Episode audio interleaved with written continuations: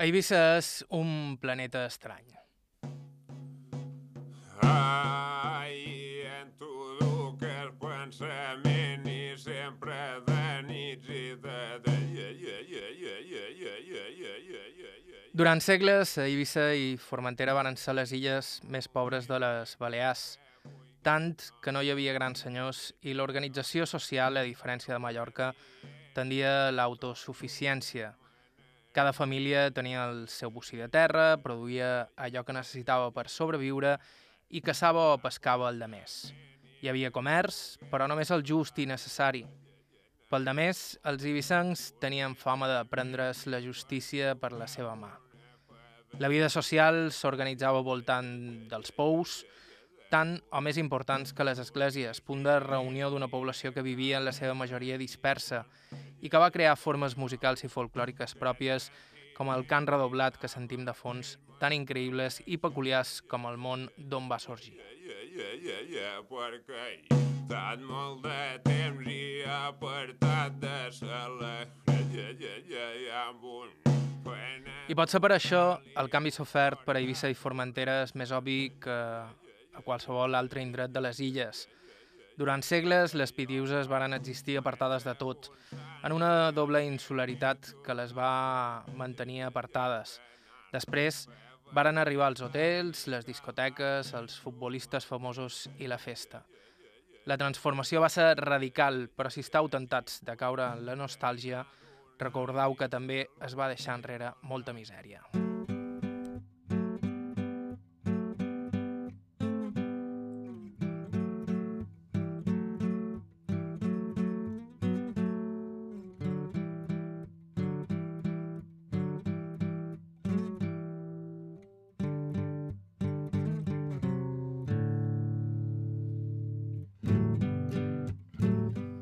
Avui a Aire, aquest espai setmanal per a la memòria oral de les nostres illes, intentarem fer-nos una idea de com era Eivissa abans que el progrés la convertís en Ibiza, una marca coneguda arreu del món. Esperant que ens vulgueu acompanyar.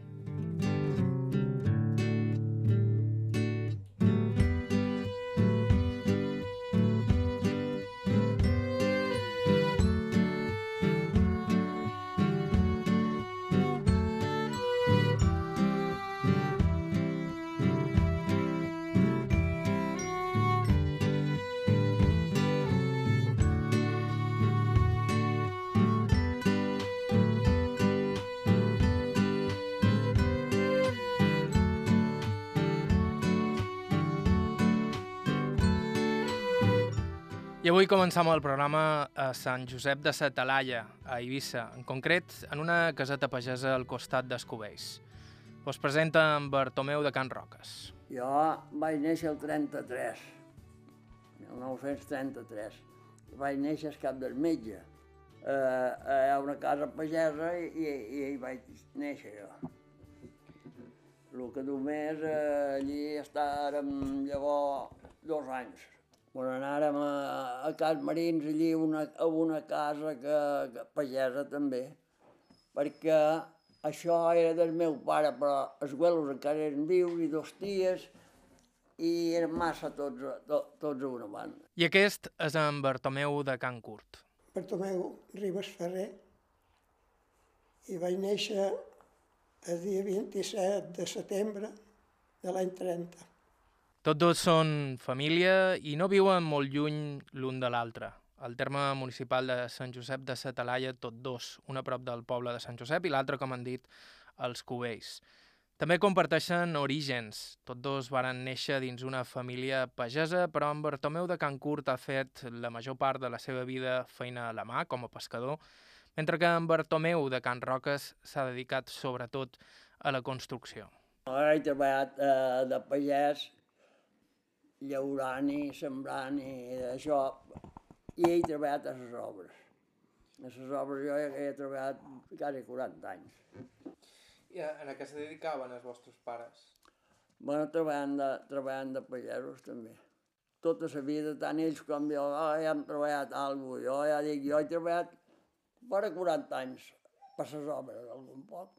Fet dos o tres cases com per la meva compte i n'he fet, i n'he fet eh, molt de balla, he treballat amb mestres d'obres, treballant per, a, per, per, per mestres d'obres, però si allà on la feia jo només, treballava la meva manera i, i ningú em feia, ningú em feia pressa. Jo, als 15 anys o poc més, ja em vaig començar a fer-ne. Treballant pescant, i, i, primer siguent pastor d'ovelles. Llavors, i llavors treballant en seguida que, que vaig poder, segàvem, que en aquell temps, ara segàvem amb màquina, però llavors segava tota pausa i duia molta feina. Bueno, eh, tot, tot, tota feina de, de, de pagès, eh, sembrar, batre, collir fruita, i garrobes i collir ametlles i,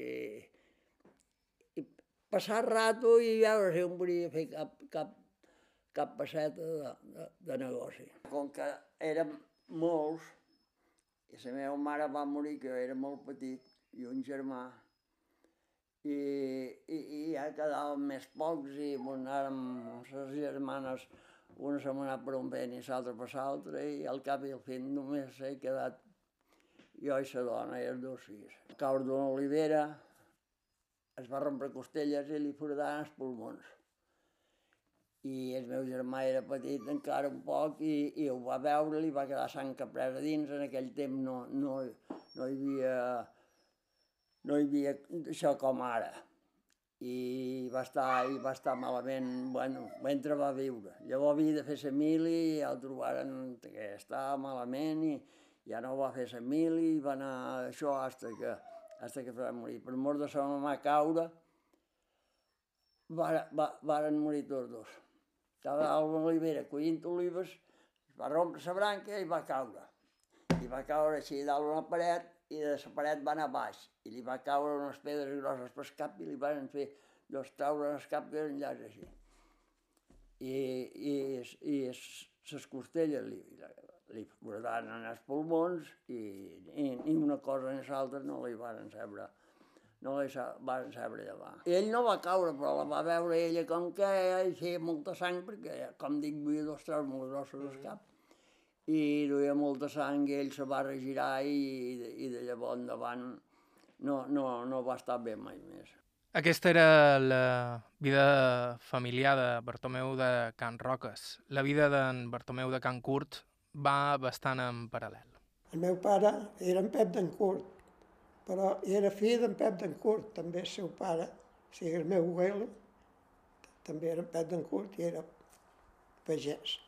El meu pare era ell que tenia la finca i, i els animals que teníem dos, dos mules que llauraven a parell i quan feia altres coses pues, feia madera per bosc, sitges per fer carbó, i treballàvem amb això, i nosaltres també, per ajudar-li, perquè llavors treballàvem per, per viure a casa, per ajudar en, els pares. Sembràvem, sembràvem blat, sembràvem ordi, i teníem una manada d'ovelles i cabres, feien formatges, eh, de, desanyells i escabrits ho venien i feien sous també. Vaig passar molta misèria perquè els de casa també, també en tenien i nosaltres també passàvem. Passàvem gana, menjàvem el que podíem, perquè es va viure molt de temps. S'acaben figues, teníem figues, però s'acabaven i llavors eren garrofes, els que en podia tenir ja tenia menjar. La meva mare eh, s'aixecava molts dies, molt pronta. De Cala d'Hort s'anava caminant, anava a les Salines, allà per vora vila, i tornava amb un lleguet de faves tendres, o un capdell de col, el que podia treballar, el que podia trobar.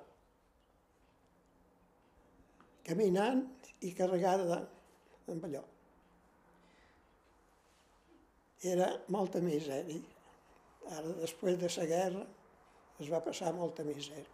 Hi havia un, un molí, Escovells, una casa que hi havia un molí, i pagaven un tant d'aquell molí per poder anar a moldre. Fer farina un dia per setmana o cada dues setmanes, això. Però allò estava, com se deia, estava sellat i no s'hi podia anar. I molt al tanto que no agafassin un, bueno, li prenien tot. El, el blat o la farina o tot.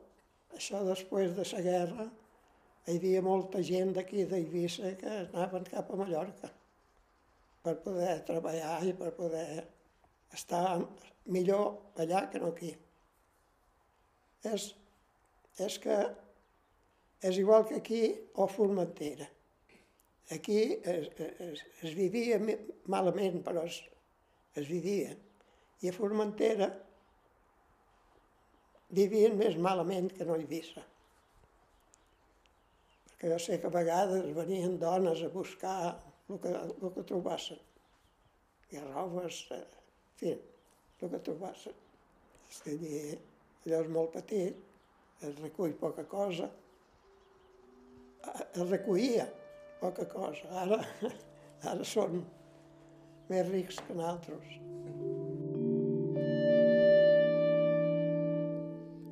Com comenta en Bartomeu de Can Curt, la postguerra a Eivissa va ser especialment dura. Després de la Guerra Civil, amb el racionament, les famílies pageses se les havien d'enginyar per poder sobreviure, amagant part de la collita perquè no li prenguessin i anant als molins de nit per poder batre d'amagat. En Bartomeu de Can Roques també ho recorda perfectament. No hi havia menjar, no hi havia gaire feina ni menjar. Hi havia gent que tenia i se n'anava a Vila per comprar menjar i no trobaven res per menjar. Estava tot, tot Déu i és que tenien molt vesí d'una altra casa més bé que tenc, uns vecins d'allí els anaven a demanar ordi, no blat, ordi, per poder fer pa, i els van dir que no en tenien mica. I a la nit hi va atracar un carro, va carregar d'ordi, de sacs d'ordi, els va dur vora vora la canal, vora l'estany allà, per embarcar-los en un barco que hi havia perquè els cobraven un centimetret o dos més, més, més per quilo, malament, es vivia malament. I com de que s'acabava la guerra, hi havia, hi havia molta, mo, molta gent però poc menjar i, i, i poca feina. Llavors, quan se va començar a fer l'obra més, eh, i, i això ja, ja es guanyaven sous i estava, pareixia millor.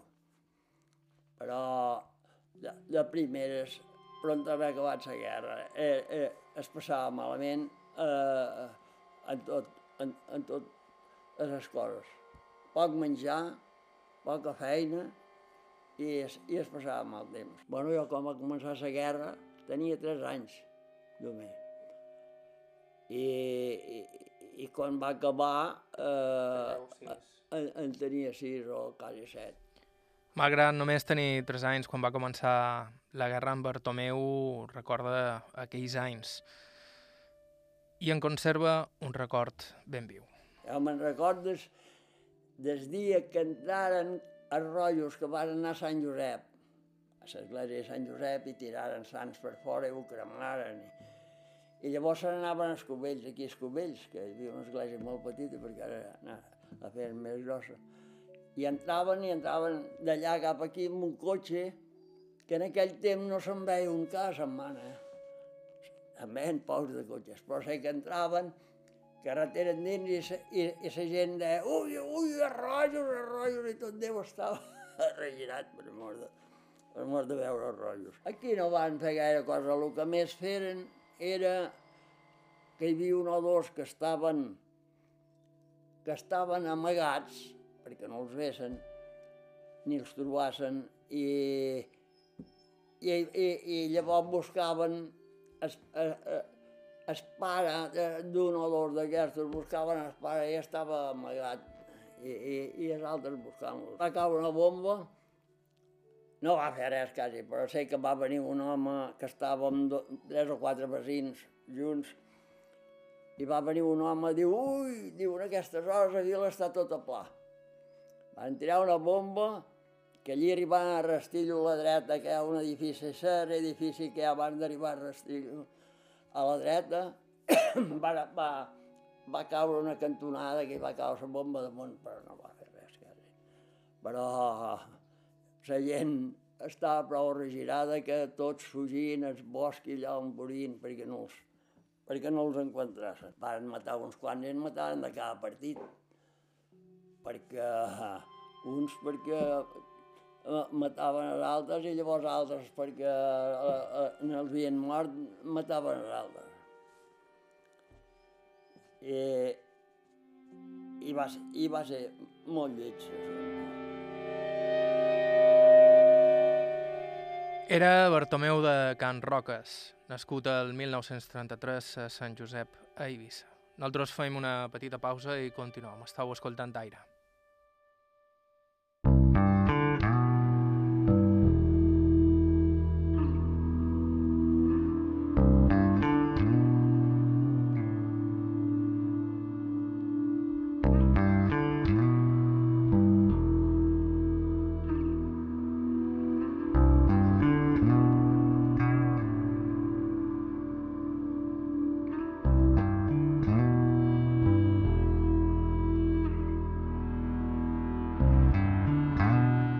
Hola de nou, estàu escoltant Aire a IB3 Ràdio. En el programa d'avui som a Eivissa, a una Eivissa d'un temps que no té res a veure amb la Eivissa d'avui dia.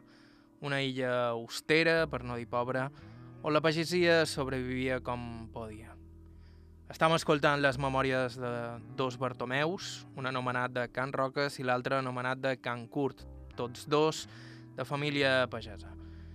Si heu enganxat el programa ara i el voleu escoltar des del principi o si voleu recuperar qualsevol dels nostres programes anteriors, ja sabeu que ho podeu fer via podcast a través de qualsevol dels serveis habituals o bé a ib3tv.com barra ràdio on trobareu tot l'arxiu de programes a la ràdio a la carta. Nosaltres ens hem quedat amb les memòries de Bartomeu de Can Roques sobre la Guerra Civil a Sant Josep, a més de la fam, la guerra va deixar el poble sense professors, així que en Bartomeu va poder anar a ben poca escola.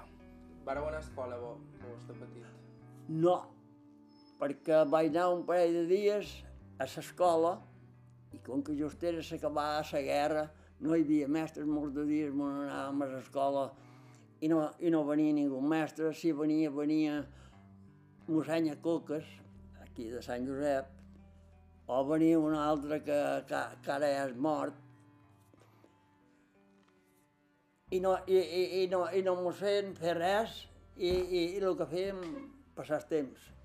I llavors, eh, com que no, no, no, no hi havia mestres, el que vaig haver fer anar a treballar, com, com, com, feia, com feia quasi tota la gent. En Bartomeu de Can Curt tampoc va anar molt de temps a l'escola. En el seu cas, però, perquè era enyoradís i s'estimava més passar els dies a prop de casa. Jo eh, vaig anar a escola quizà quatre mesos, aquí a Sant Josep. Però jo el dia que vaig poder tornar a casa ja no vaig tornar a escola.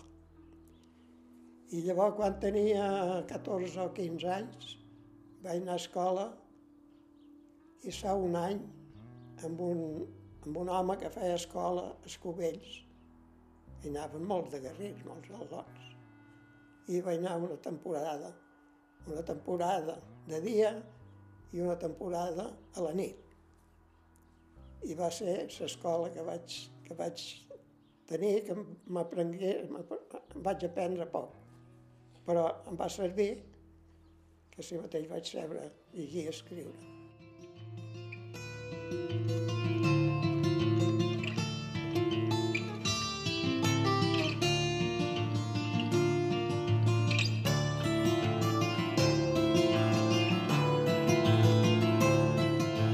Anar a escola aquells anys era secundari. Els al·lots havien de posar-se presta a fer feina a la família i ajudar en les feines del camp, unes feines que en Bartomeu de Can Curt coneix d'allà més bé. Aquí se feien terços. De la finca de, de casa es feien quatre terços, que deien. I, i un, si sembrava blat, o sigui, ordi sembrava primer i llavors sembrava el blat, però el mateix any, ordi i blat. A un, a un terç ordi i l'altre blat. I quedaven dos, dos terços, que un era cultiva, que el bestiar no hi podia anar, i l'altre li deien armàs, que allí s'hi podia dur bestiar a menjar. I llavors quan venia més endavant i anaven amullant el bestiar o li anàvem amullant a la cultiva també perquè poguessin menjar més. I, i, i es feia així. Teníem, no, poc, una vintena d'ovelles i, i, i una quinzena de, de cabres. Es feia formatge per, per, per la família, per la casa, sí. La meva mare i, i les germanes més, més grosses també treballaven amb això. Jo vaig fer de pastor de la manada d'ovelles i cabres, fins que me'n me vaig... Bueno, llavors, quan vaig deixar de fer de pastor, ja vaig llaurar, i vaig sembrar, i vaig segar. I segàvem en ses mans o en sa faus, fèiem garbes, i les duíem a cera, i ho batíem, i traiem la paia, ho ventàvem, ho fèiem net, i amb això.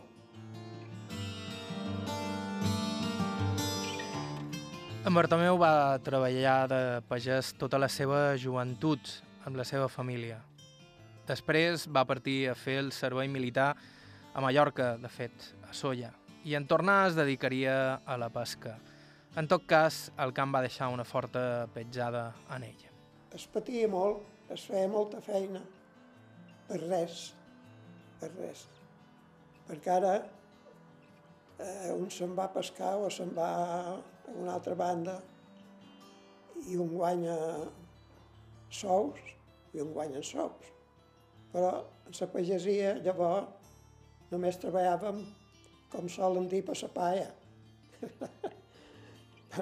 Ni menys, bueno, la paia, llavors fèiem espaiers i la paia era per als animals perquè teníem parella de mules hi havien de mestir paia, hi havien de mestir verd, hi havien de mestir menjar. Ho batíem i ho, i ho, ho duíem, ho segàvem. Fèiem les garbes, les duíem a cera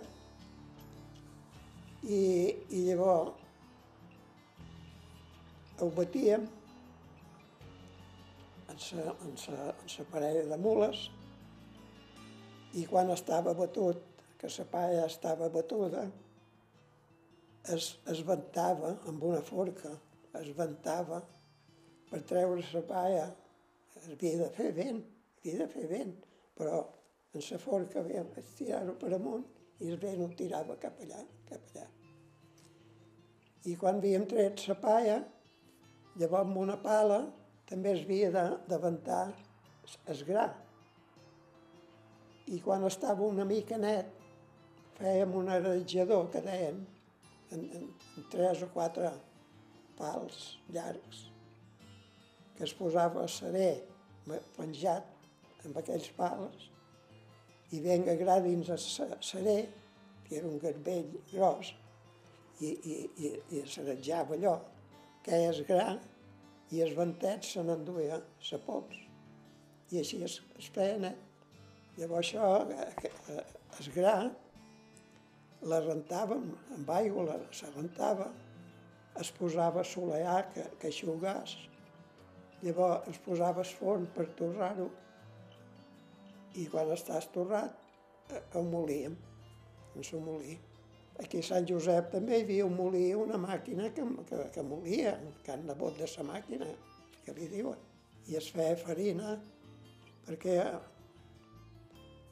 es, fe, es, fe, es moldre així amb un molí de que li diu un molí de sang.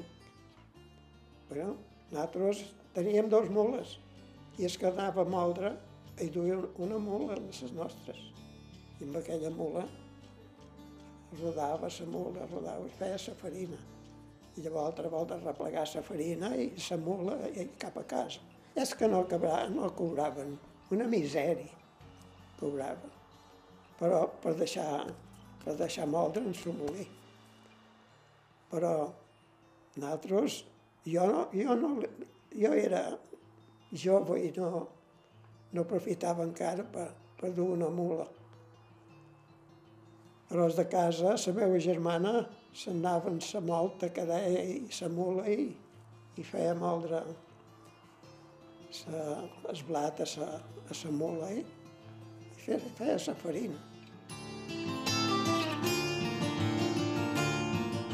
Amb en Bartomeu també parlam de vila, de com s'ho feia la gent de Sant Josep quan havia de menester alguna cosa de la capital de l'illa i com era Eivissa ciutat en aquells anys en què gairebé es pot dir que era només un poble en port. A Vila era molt més petit. Uh, allí en l'avenida d'Espanya has de ser uh, en el passeig de Vara de Rei, si només hi havia 10 o 12 cases en tota, en tota l'avenida d'Espanya, així banda i banda. Hasta que on era, en el passeig d'en Vara de, de Rei, on no era vila. D'allí per en fora no hi havia res, no hi havia cap botiga. No deu comprar-se un, unes espardenyes o, o roba per fer-se uns calçons.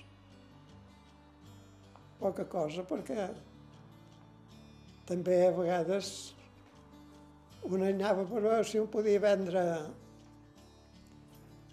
una bossa de reina o es, es cuien, es, llavors hi havia, hi havia moltes herbosses per bosc, fer un, un cistelló d'herbosses i tot, fer quatre, quatre canets, res. Però s'hi havia d'anar. Per anar a Vila,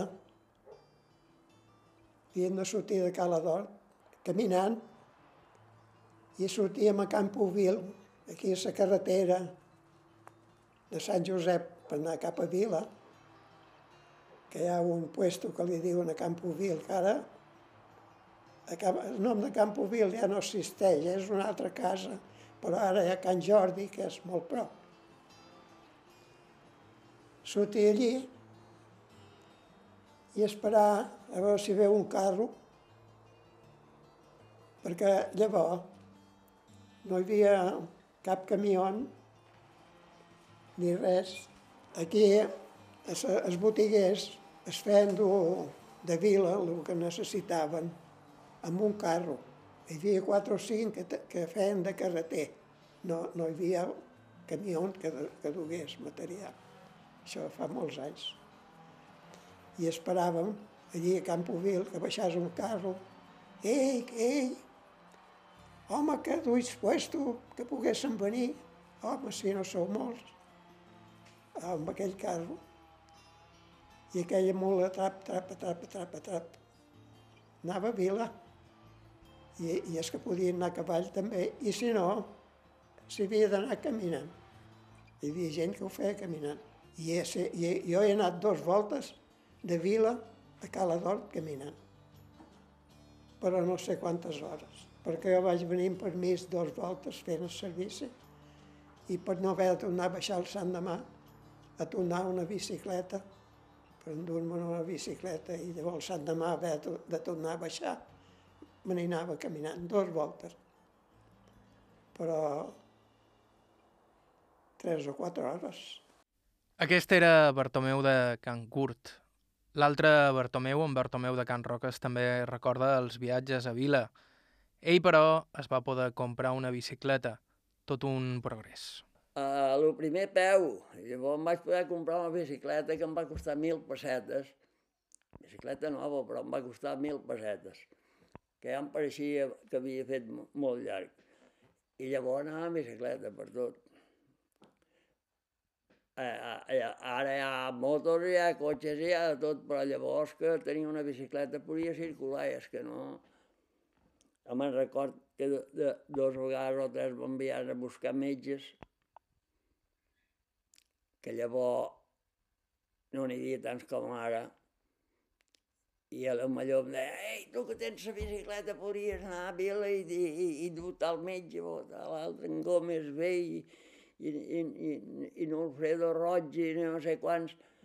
I a lo millor em deien, vés, busca aquell cotxe que un que li deien el Moliner i tenia un cotxe, no era com ningú d'ara, i clavàvem de vegades la bicicleta dalt el cotxe i, i, i, i jo i el metge i això fer tira per amunt allà, allà, on l'havia dut. Si, si havia posat la bicicleta,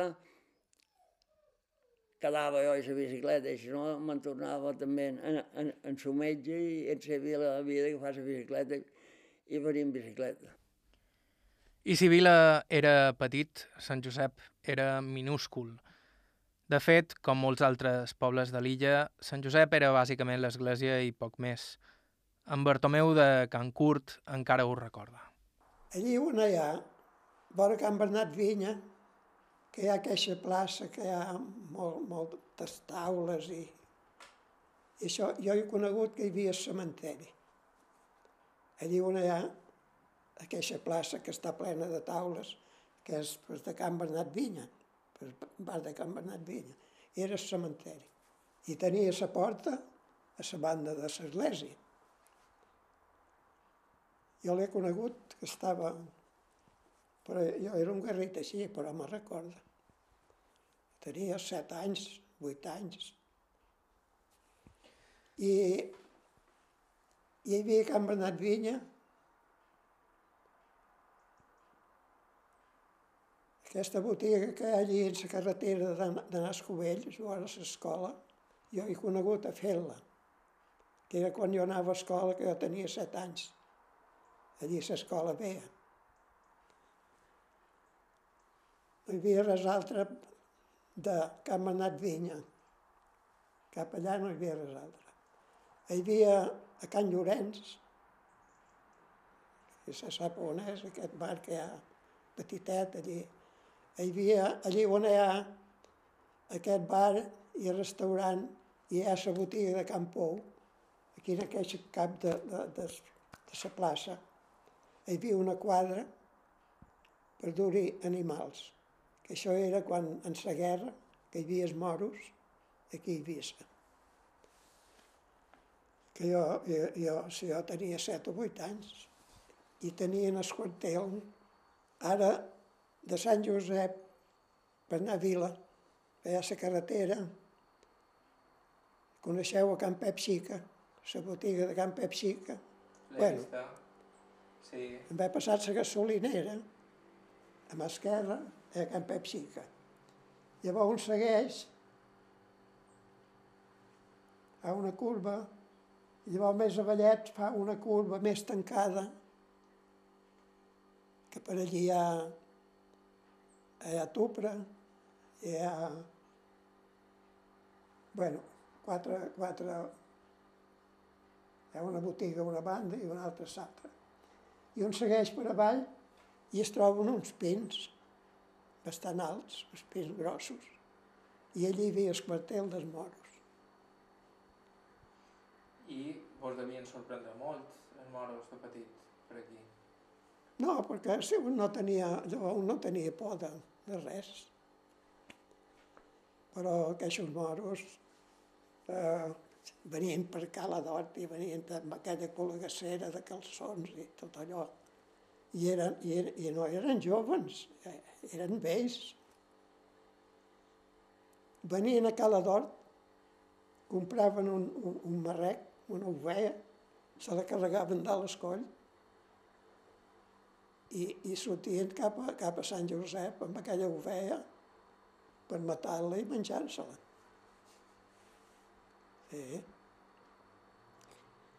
Allí hi havia una quadra que hi duien, hi duien animals i, i hi havia un, un puesto, un, un, una casota grossa, que, que hi estaven els moros.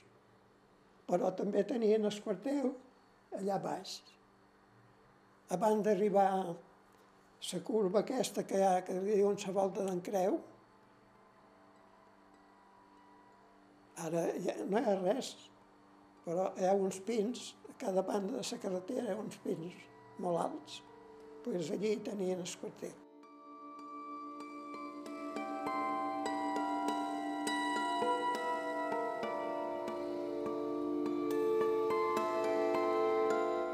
Aquests moros dels que parla en Bartomeu de Can Curt són els que arribaren a les tropes feixistes, el que ens du a parlar dels seus records de la Guerra Civil i de com la va viure la seva família. Bueno, hi va haver molta por, perquè aquí varen, varen venir, els hi deien els milicianos, que eren els, de la banda de, del, govern, del govern que hi havia llavors, que era la república. I anaven per, per ací, per allà, preguntant si aquell si anava, si anava a missa, si no anava a missa. Varen fer una agafada de gent, d'aquestes que anaven a missa, i, i capellans i tot això. I els dugueren allà eh, a Vila, allà, com se li diu, vora la catedral, que allà, allà hi havia una, una presó. Els van, els van endollar i un dia, pues, eh, com que aquests ja, ja veien que, que haurien de fugir.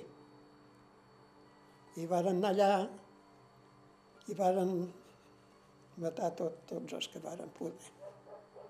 Els que no van poder fugir els mataren. I ells llavors fugiren també. Perquè va ser allò quan en Franco es va sublevar contra el govern i va haver la guerra.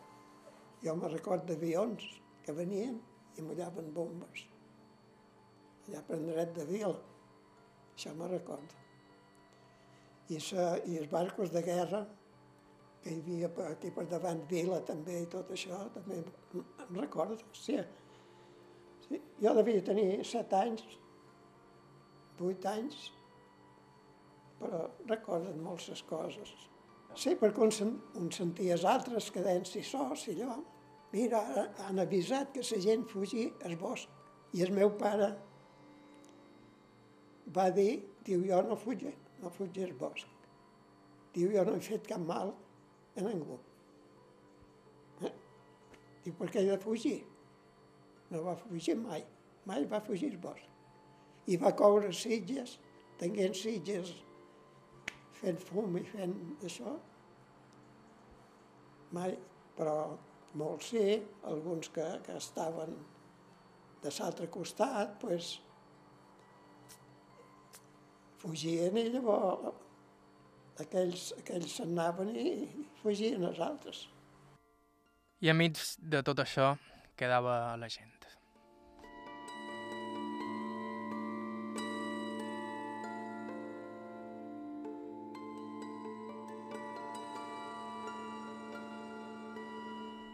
Això és Aire i Vetres Ràdio. Feim una breu pausa i reprenem el programa.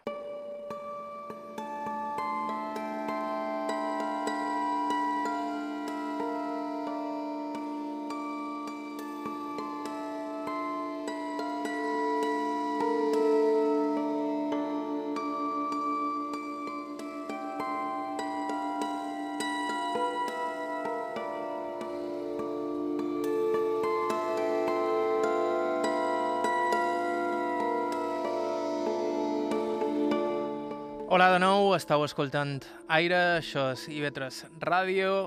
Avui hem sentit les memòries de Bartomeu de Can Curt i de Bartomeu de Can Roques, tots dos de Sant Josep de Satalalla a Eivissa. Dos testimonis excepcionals de com era aquella illa pagesa esborrada pel turisme i el progrés. Una illa que ha deixat enrere també molta misèria i unes condicions de vida duríssimes. I així tot, una vida que també tenia moments per a la diversió. I una cançó demanau que siga llarga i polida. Escoltau el que ens comentava en Bartomeu de Can Curs sobre què feien aquells anys per distreure's una mica. Llavors ens divertíem a qualsevol cosa, perquè treballant mateix entre nosaltres això ens divertíem, però eh, per, per anar, per, per deixar la feina i fer festa, esperàvem el diumenge.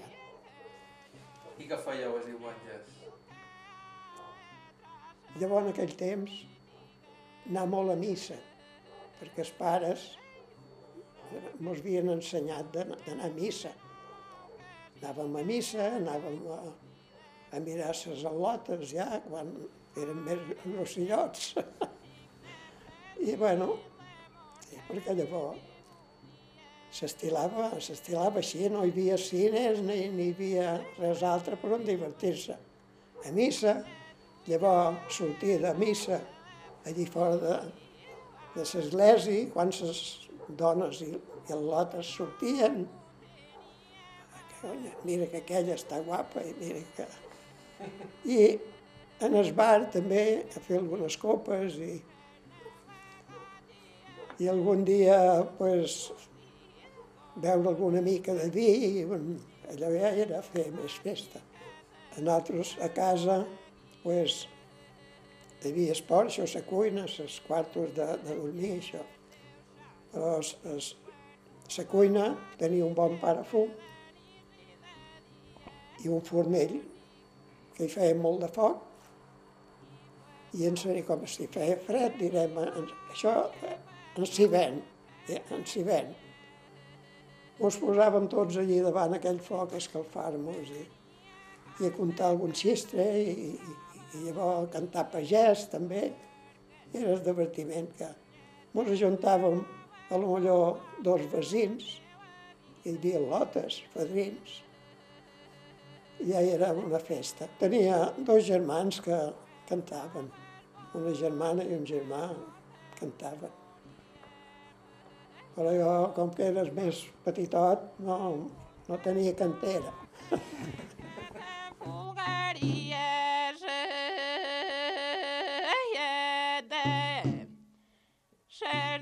Els records d'en Bartomeu de Can Curt són molt semblants als d'en Bartomeu de Can Roques. Missa els diumenges i de tant en tant alguna xacota. El diumenge anàvem a missa i en sortia més. A, a, perquè ara es, a qualsevol hora sortia un veus la gent pels bares i fent festes i llavors els dies de feina i dies de feina. Els diumenges que volien anar a missa i, i, i, i tenia un rato lliure llavors. Es cantava, es ballava, i si després hi havia a lo millor quatre bunyols o el que fos i un, i un traguet de vi, la gent llavors anava més contenta que, que un. Uh, allà on hi havia una font es un ball i es feia ballar i, i cantar i si hi havia que beure o menjar, la gent menjava lo que havia. Éreu cantador, vos? Jo no. Bueno, jo gloses sí, però cantar cama, cantar pallada així, no. Gloses sí que n'havia cantat moltes. Ens juntàvem una colla i anàvem d'un bar a l'altre i, i, i, i beguent i, i cantant i fent, i fent vella. I ballador? Éreu ballador? Sí, ballador sí que havia ballat bastant. Uh, anant a les xacotes de queixes, a les fonts, a, a la nit de xacotes que hi havia, que, que anàvem i ballàvem i fèiem festes tota la nit quasi. Uh, llavors ballava tot Déu, tot... eh, Ara només hi ha unes colles de balladors i no apenas balla ningú altre. I abans ballava tothom. Sí, qualsevol a, a, a ballar i, i, i, i, i fer xacota de queixa.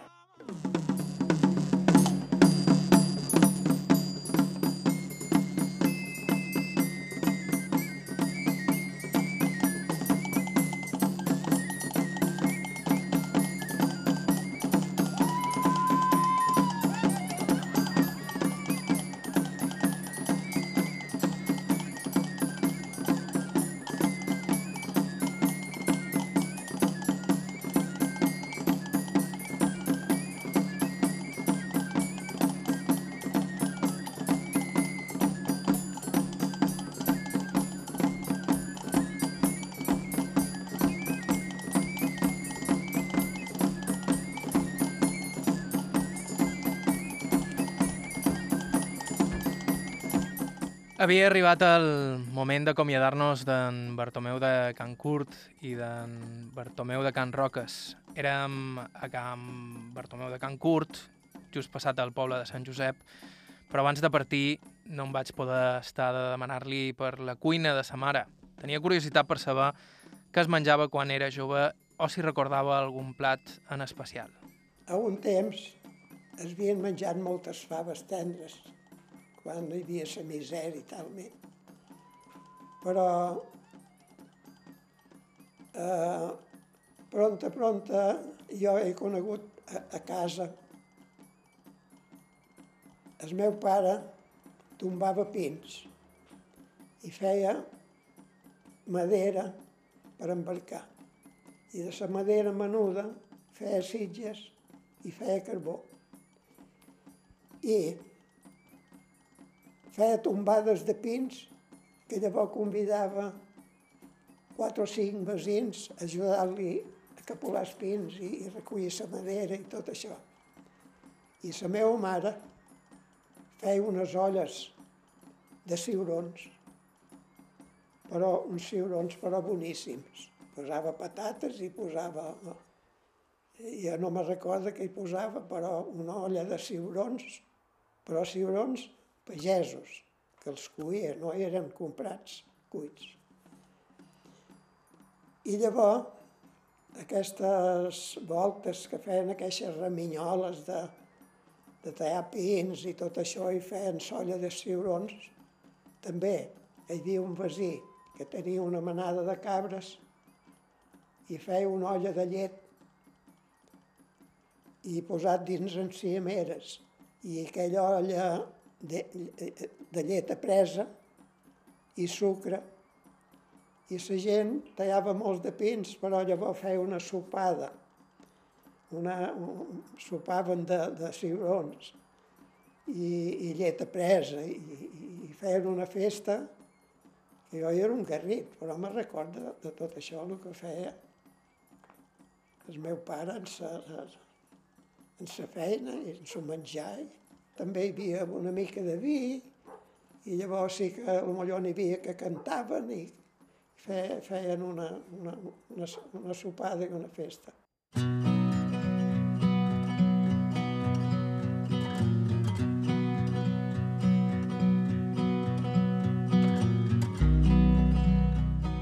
I fins aquí el programa d'avui. Milions de gràcies a Bartomeu de Can Curt i a Bartomeu de Can Roques pel seu temps i els seus records i moltíssimes gràcies a Vicent Palermat, que va ser qui ens va posar en contacte amb ells.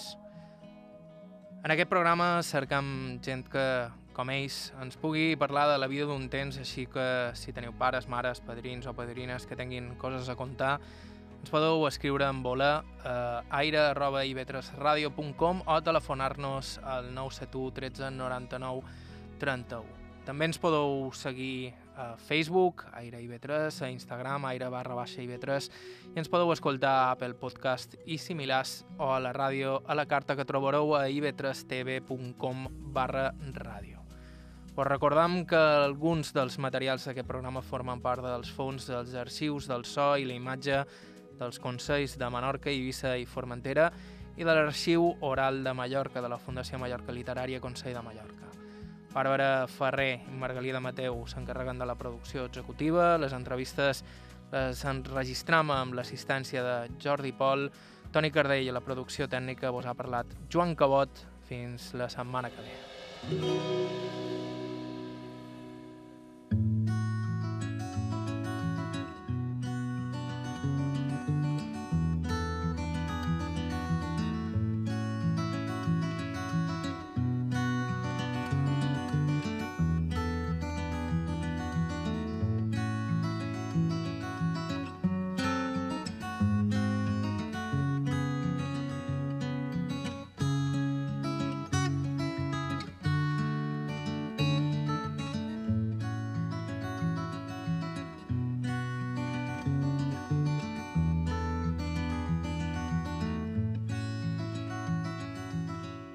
Flors de baladre en un torrent per on no passa mai sa gent amb poca cosa tenen prou per treure un altre color nou. Flors de baladre en un torrent tenen el cor de sol i vent. Viuen només d'allò que cau, aigua de núvol i cel blau. Flors de baladre en un torrent no es venen per deu ni per cent.